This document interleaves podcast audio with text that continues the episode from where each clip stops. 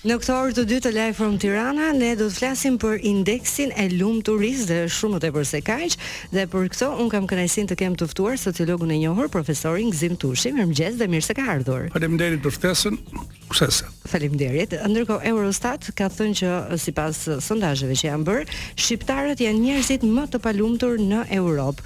Janë njerëzit më të pakënaqur, ku sipas Eurostat jemi në të njëjtin nivel me Bullgarinë dhe pas Turqisë dhe duket sikur Kosova është më mirë se sa ne në këtë renditje. Çfarë ndodh me të qenurit i palumtur në vendin tonë?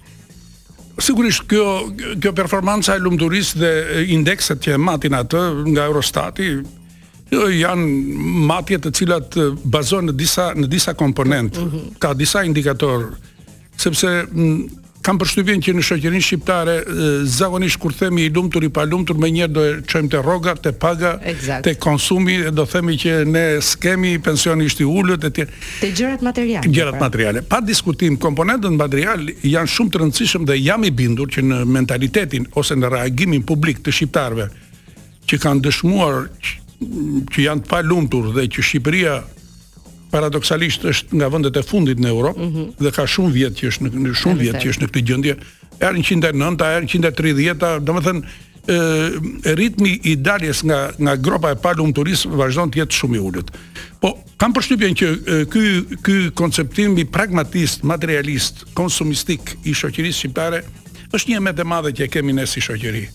Edhe është e çuditshme që të gjitha gjërat edhe në bisedat e zakonshme i masim me këto. Lumturia nuk është e lidhur domosdoshmërisht me me aspektin material. Lumturia është një ndjenjë, nuk është as ide. Pra do të thotë që nuk e mëson dot, nuk është se ka libra, që hajt ta mësojmë edhe çfarë duhet bëjmë që të bëhemi të lumtur, siç mund të mësojmë filozofi, mm. sociologji, matematikë etj etj. Jo, ajo është një ndjenjë Një ndjenjë e brendshme është subjektive e njeriut që është e lidhur natyrisht me faktorë të brendshëm, kurse mund të jetë gjendja shëndetësore, niveli i të ardhurave, probleme të marrëdhënieve brenda për brenda të lidhjeve të tjera martesore. Natyrisht, të gjitha kanë ndikimin e tyre. Një çift që ka një martesë problematike, një grua që jeton në varfëri për shkak të divorcit, shumë të tjerë që janë në gjendje terminale të sëmurë, herë pas here me sëmundje të pashërueshme. Natyrisht këta në, me çdo lloj mënyre që t'i pyesësh, natyrisht nuk e ndjejnë veten të lumtur dhe kjo ka arsyet e veta. Ë ndërkaq unë mendoj që çështja e lumturisë ka dhe një lloj relativiteti. Mm -hmm. Dhe aty në indeksin e e, e Eurostatit, ë ka disa prerje të tjera që janë prerje moshore, për shembull raporti i kësaj ndjenje tek të rinjtë dhe tek të moshuarit. Më bëri përshtypje që tek tek të rinjtë kishte një lloj rritje të të, të indeksit të lumturisë. Më bëri më, dhe më erdhi mirë, sepse duket sikur është kontroversale me ekuacionin. Nga njëra anë të rinjtë thonë këtu s'jetohet, Ky vend është i pajetueshëm dhe ikin, ikin me të gjitha format përmes studimeve, përmes emigracionit pakthyeshëm, me idenë për t'u integruar në tregun e punës, jo se kjo është ndonjë gjë e keqe dhe e ndaluar, sepse në fund fundit njeriu e kërkon lumturinë atje ku e gjen. Mm -hmm. Dhe në këtë botë të globalizuar, unë nuk besoj që ka oazë lumturie ku jo, në mënyrë precize mund ta gjesh të gatshme, se nuk ka, nuk është ndonjë paketë. Nuk ka ndonjë paketë lumturie që mund ta sigurosh duke e blerë apo duke ta dhënë dikush. Por ama sidoqoftë, në qoftë se në qoftë se tradicionalisht disa vende europiane, duke përfshirë këto vendet skandinave dhe vendet e Beneluxit, ë sikurse janë Norvegjia, Suedia, Finlanda, Danimarka, Holanda, janë gjithmonë prekursore të lumturisë, pra do të thotë që aty janë gjithmonë njerëzit me nivele të larta të lumturisë. Më kujtohet tani një libër i mm. i gazetares britanike Helen Russell. Pa. Po. Ajo ka bërë një të jetosh një vit si danezët, është një libër shumë i bukur, ua rekomandoj që ta lexojnë. Ata që lexojnë, ata që kanë qejf të mhm. lexojnë, se është shumë i bukur. Është një libër i bukur që të tregon me të vërtetë se Jo në të gjitha rastet njeriu është i lumtur. Do ta vazhdojmë këtë bisedën e lumturisë. Fillimisht do të shkojmë tek This Moment dhe rikthehemi me Live from Tirana. Vazhdoj të jem me profesor Gëzim Tushin dhe jemi duke folur për lumturinë. Tani unë jam e bindur profesor që të gjithëve po të na bëhet pyetja çfarë është lumturia, do mendohemi pak, nuk do e kthejmë menjëherë. Dhe dua ta nisim pak me këtë. Edhe pse lumturia është një temë që mund të flasim shumë shumë orë të tëra, por Çfarë është lumturia për ju dhe si ka ndryshuar si koncept, po them me kalimin e kohës?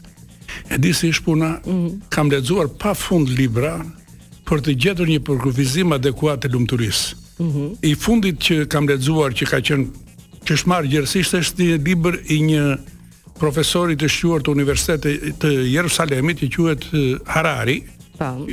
Harari është ka prurë një trilogji këtu të famshme sociologjike, Homo sapiens, vëllimi i parë, Homo Deus i dyti dhe 21 leksione për shekullin e 21.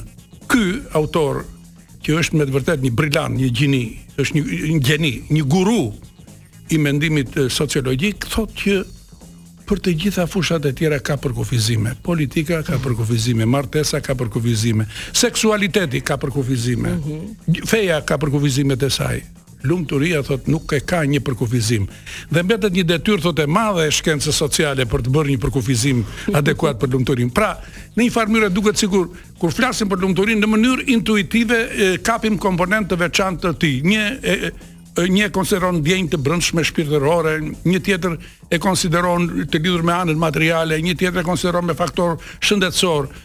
Bile, siç po bënim pak bisedë gjatë pauzës, po të vini re, kur vjen puna për të gjetur një përkufizim të lumturisë, ka uh, ka një dikotomi, një ndarje të ideve që kanë uh, biologët, Po, nga, kjo është interesante. Nga, nga psikologët mm -hmm. dhe sociologët për lumturinë. Dhe si ndryshon kjo nga Biologët thonë që lumturia është një gjendje e brendshme e njeriut që lidhet me tre hormonet kryesore: dopaminën, oksitocinën dhe serotoninën. Mhm. Njëra është e kënaqësisë, njëra është e lumturisë dhe njëra është e qetësisë. Nga mënyra se si kombinon njeriu këto hormone, natyrisht njeriu nuk është epruvetë. Nuk është kimist që merr. Çik çik çik serotonin, çik dopaminë, çik. Mirë do ishte. Po e, mirë do ishte, nuk është. Por ama thotë ai e ka në dorë, domethënë në qoftë se ti je një tip që prodhon kortizol, kortizoli është hormoni i kundërt i agresivitetit. Domethënë një njeri që i rrafshon këto tre komponentë, këtë trekëndëshin e këtyre dopaminës, oksitocinës dhe serotoninës që kombinimi i tyre të bën të lumtur sipas biologëve dhe kjo është e vërtetë. Mm -hmm. Dhe kjo është e vërtetë. Po, pra, nga pikëpamja biologjike po është. Dhe ndërkaq kemi nga këta që që, që kanë këtë komponentin e agresivitetit që dallohen. Këta janë tipa që ndjejnë veten të palumtur e tjera. Të dytët janë psikologët. Po. Psikologët, ndryshe nga biologët që i japin karakter biologjik dhe hormonal çështjes së përkufizimit se kur njeriu është i lumtur, mm -hmm. si rezultat i kombinimit të këtyre tre hormoneve, psikologët thonë jo, është një gjendje e brendshme që lidhet me faktorët socialë, me faktorët individualë, që lidhet me gjendjen e shëndetit, me marrëdhëniet shoqërore, me marrëdhëniet e intimitetit, të martesës, të seksualitetit. Pra janë dy dy koncepte. Në fakt, sipas gjykimit tim, ky përkufizim është në mes. Në mes të këtyre gjëra, unë nuk jam kaq i madh sa Harari që të them që mund të bëj unë një përkufizim, por duke menduar dhe duke e, e, gërmuar për të gjetur, mendoj që është në mes. Domethënë, edhe komponentët biologjikë, Se tash ti, në qoftë se ti je ta zëmë Po nuk zhvishemi dot nga të gjithë këto elemente. Absolutisht. Ose ke një shëndet të dobët, të sëmurë, je në gjendje terminale, me, me sëmundje ku di unë të pashërueshme, ti tani është e kotë t'i thuash atij, je i lumtur ti? Si mund të jetë i lumtur ai në këtë situatë? Nga ana tjetër kemi njerëz që kanë çështje psikologjike, për shembull, njerëzit pesimistë, mm -hmm. njerëzit vanitozë, njerëzit që ndjejnë dëshpërim, njerëzit që nuk kënaqen me asgjë, që janë domethënë kanë kanë një ndjenjë ankimi po. ndaj gjithçka dhe ndaj çdo gjëje atyre bëju çfarë të duash, futu hormone, sa të duash jepu dhe para, sa të duash krijoju dhe kushte materiale, sa të duash ata nuk dalin nga gjendja e dëshpërimit. Pra, në një farë mënyre mendoj që prandaj përkufizimi më i pranueshëm mm -hmm. sot për sot është Që lumturia është një gjendje subjektive e njeriut brenda vetes. Më kujtuat një rrëfenjë të lashtë arabe, po e them shumë shkurt ku ëngjëjt mblidhen dhe vendosin ku do ta çojnë këtë lumturinë për njeriun, se u krijua po. njeriu i parë. Dikush thoshte majë një mali, dikush në ujërat më të thella, dikush andej këtej dhe njëri që po rrinte më urtë tha, "Jo, jo, se njeriu është aq inteligjent sa do i gjejë format dhe do ta gjejë lumturinë." Unë tha, "Mendoj ta vendosim në një vend ku ata nuk do ta gjejnë dot kurrë." ta vendosim brenda njeriut, se do kërkojnë në të gjithë botën dhe nuk do t'u shkojë mendja që në fakt lumturia është brenda tyre. Shumë e bukur. Ja pra, pra janë ekuilibra që ne duhet të gjejmë. Absolutisht. Domethënë, në fund të fundit në qoftë se ti do që të jesh i lumtur, në qoftë se nuk ndikon, nuk ndërton rrethanat e duhura të kësaj Kjo, unë thashë pak përpara raporti midis lumturisë dhe parasë. Po. Apo raporti midis lumturisë dhe punës. Me paranë, sepse shoqëria shqiptare edhe një herë po e theksoj. Është e para që të pyesin sa e ke rrogën dhe për atë ankohen gjatë gjithë kohës. Një, dhe e dyta, sapo shikojnë një njeri të pasur, në rrugë me një makinë apo me një bashkëshorte të veshur par excellence në mënyrë elegante, mendojnë që këta ky është çift i lumtur, mm -hmm. sa të lumtur. Dhe në të vërtetë mund të mos jetë kështu. Është vërtet. Dhe mund të ketë një çift që është i brejtur nga brenda, mund të jetë një një familje, një çift luksi, por që është gri nga brenda, që është martesa është e ndryshkur, që nuk funksionon ose funksionon për fasadë. Çift fasadë dhe çifte fasade Në shoqërinë shqiptare ke sa të duash. Dhe këto çiftet fasade që nuk kanë lidhje emocionale, po kanë lidhje materialistike, lidhje konsumistike, nuk janë të lumtur. Është edhe ky trendi i Instagramit, më fal që të po, ndërpres po. profesor, që duket sikur të gjithë njerëzit janë të lumtur, sepse ashtu e shesin veten në të vërtetë. Shikoni, unë ka një ka unë gjithmonë jam partizan i asaj tezës, një tezë e famshme e filozofike që jo gjithmonë shfaqja është thelbësore mm -hmm. dhe jo gjithmonë thelbi shfaqet. Domethënë, këto bravurat e jashtme në Instagram e në rrjetet e tjera sociale, ndonjëherë nuk përputhen me thelbin e vërtetë të njeriut. Ato kanë një karakter merkantilist, shumë veta duan të, tërheqin vëmendjen, nganjëherë është një mjet për të krijuar lidhje sociale, nganjëherë edhe lidhje dashurore, edhe lidhje të tjera të domosdoshme që kanë të bëjnë me me komercializimin ose me tregun e tjera e tjera, por jo domosdoshmërisht ajo që duket në Instagram është në të vërtetë. Kështu që e, ideja e, e, e një iluzioni, pra që të bëhesh ideja e një iluzioni që, që të bëhesh i lumtur, duhet të jesh i famshëm, që të jesh i lumtur duhet të jesh i pasur, që të jesh i lumtur duhet të jesh atë dhe këtë.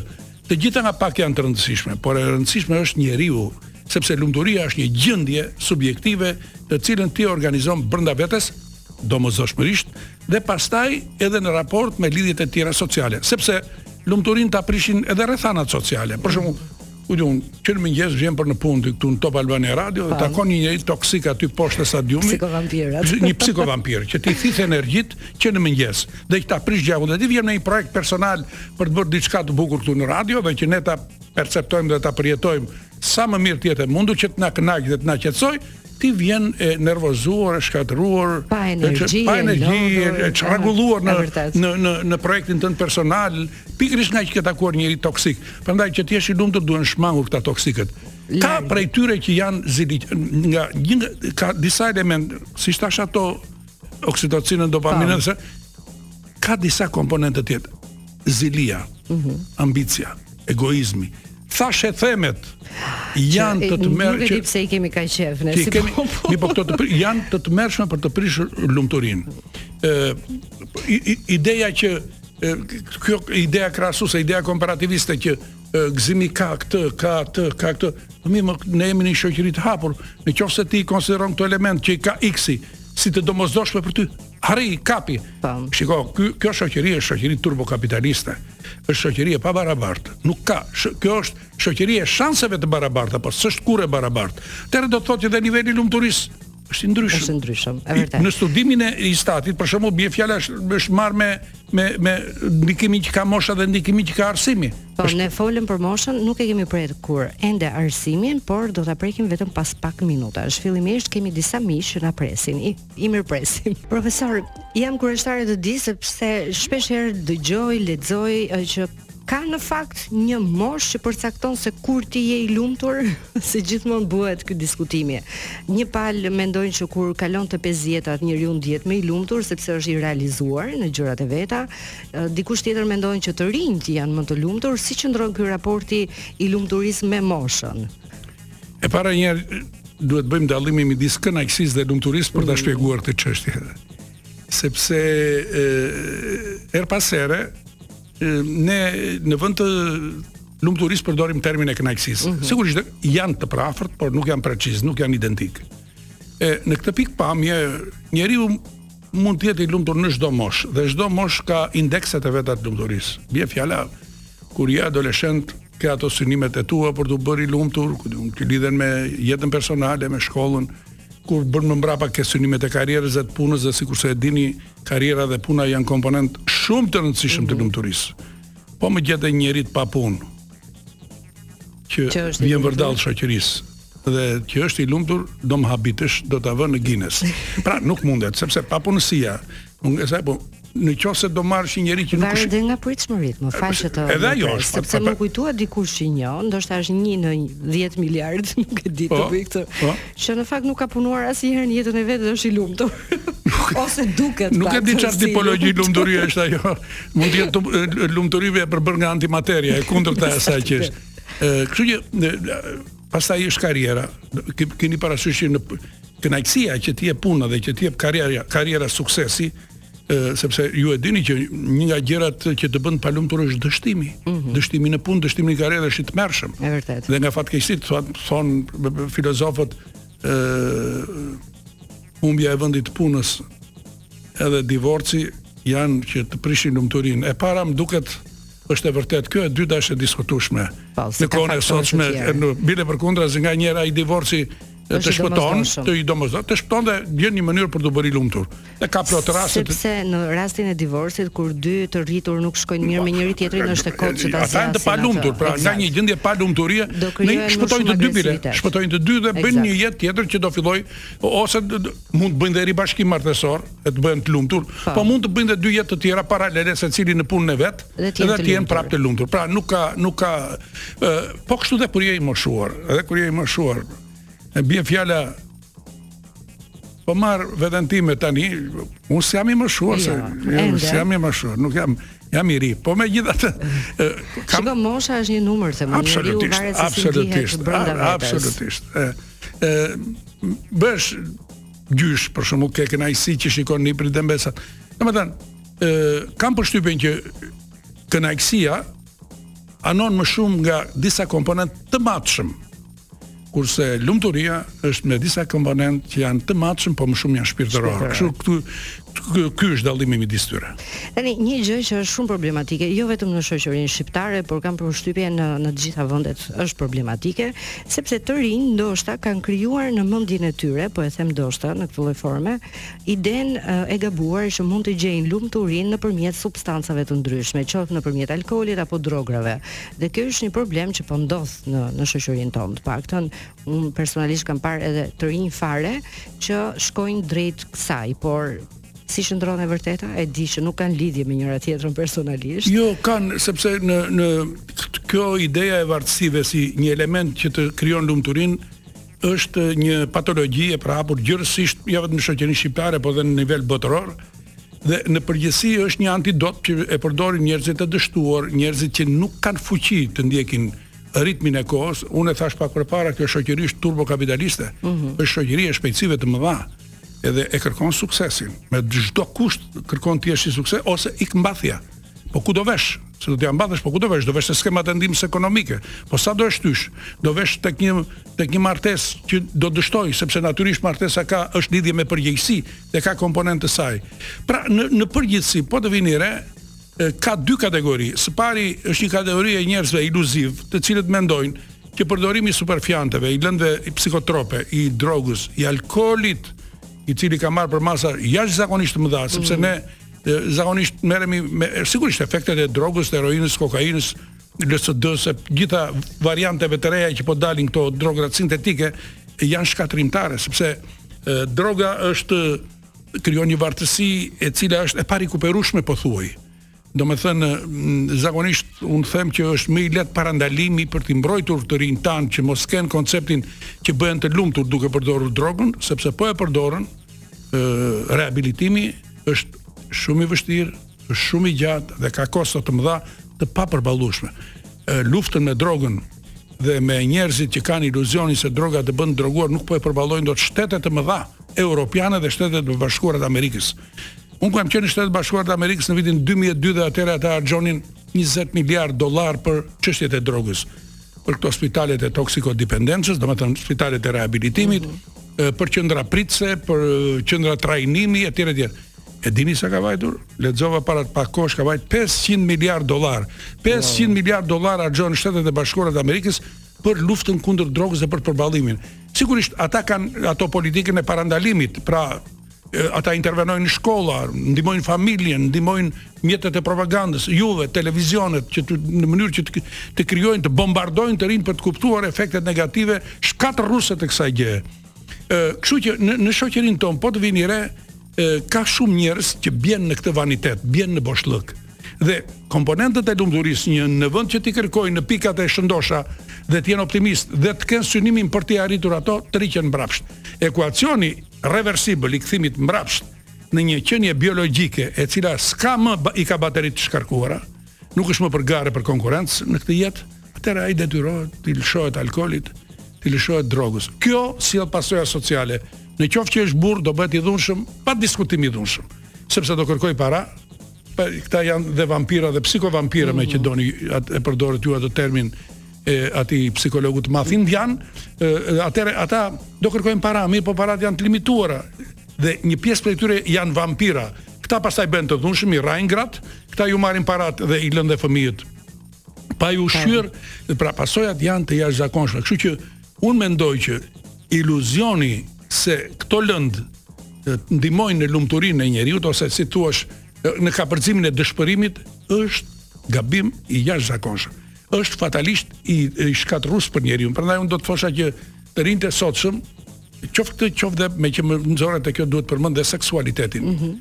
E, me, e themi shumë shkurt. Ja, shkurt fare, dhe, po. një pjesë e të rinjve të sotshëm ë kanë filluar të mendojnë që për të qenë duke menduar thjesht kjo jeta kështu është, nuk kanë një i, i kanë humbur ato pikat koordinative të të, të perspektivës së tyre dhe mendojnë që kënaqësia seksuale është dhe kjo një pjesë e të bën të lumtur. Sigurisht Kënaqësia seksuale është element i rëndësishëm i kënaqësive të njeriut, sigurisht është i lidhur me lumturinë e njeriut, pa diskutim, do të ishim hipokritë dhe unë mendoj që hipokrizia në kohën e sotshme nuk shkon, por ama ta përdorësh seksin për të mbushur vakumet e tua, për të mbushur boshllëqet që ke në aspekte të tjera është e gabuar, është e pamjaftueshme. Seksi është që të kënaq aty për aty, por nuk të jep lumturi afatgjatë. E ke thënë kaq bukur sa nuk dua të shtoj më asnjë gjë. Profesor, unë dua të të falenderoj. Ishte shumë kënaqësi që të pata këtë mëngjes në Live from Tirana dhe do të takohemi sërish për tema të tjera. Edhe unë u kënaqa shumë me ty që e bën kaq të bukur dhe kaq interesant këtë emision të, të Top Albania Radios për gjithë shqiptarët. Faleminderit shumë.